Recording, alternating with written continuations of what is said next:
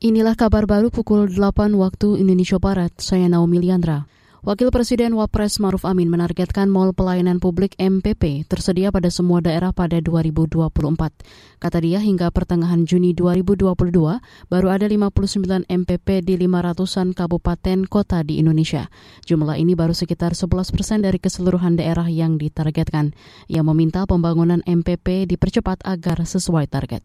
Pada tahun 2024 nanti kita telah mencanangkan target 100% MPP. Sudah dibangun di seluruh Indonesia. Selain target kuantitatif, kualitas MPP juga tidak boleh luput dari perhatian. MPP yang telah berjalan harus terus dievaluasi efektivitasnya maupun kesiapannya untuk menjadi MPP digital. Wapres Maruf Amin menyebutkan MPP tersebut memungkinkan masyarakat mendapatkan berbagai layanan pengurusan administrasi dalam satu atap, sehingga prosesnya dapat berlangsung cepat.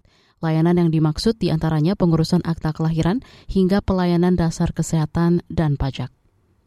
Menteri Keuangan Sri Mulyani Indrawati mempertanyakan kontribusi sektor kehutanan dan perikanan terhadap perekonomian Indonesia. Menurutnya kedua sektor ini cenderung tidak memberikan kontribusi padahal merupakan sektor dengan kekayaan sumber daya alam yang melimpah. Sama seperti sektor perikanan, Indonesia itu isinya hutan sama perikanan, tapi dua sektor ini kontribusi ke dalam GDP kita is almost nothing nggak benar itu berarti. Nah ini yang mungkin kita perlu untuk kita semuanya mulai memikirkan. Apakah ini persoalan policy, masalah regulasi, masalah institusi, masalah tata kelola. Kan persoalannya di situ dan untuk Indonesia kita harus pikirkan.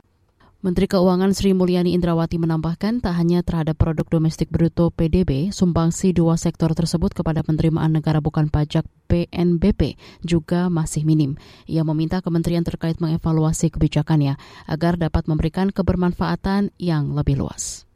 Kontingen Indonesia menargetkan gelar juara umum pada ajang ASEAN Para Games 2022 yang akan digelar 30 Juli hingga 6 Agustus di Solo, Jawa Tengah.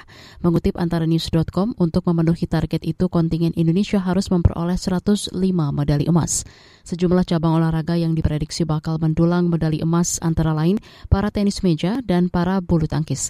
Ketua Umum Komite Paralimpik Nasional NPC Indonesia, Sandy Marbun menilai upaya itu tidak mudah karena kontingen dari dari Thailand yang diperkirakan bakal jadi lawan terberat. Demikian kabar baru KBR, saya Naomi Liandra undur diri.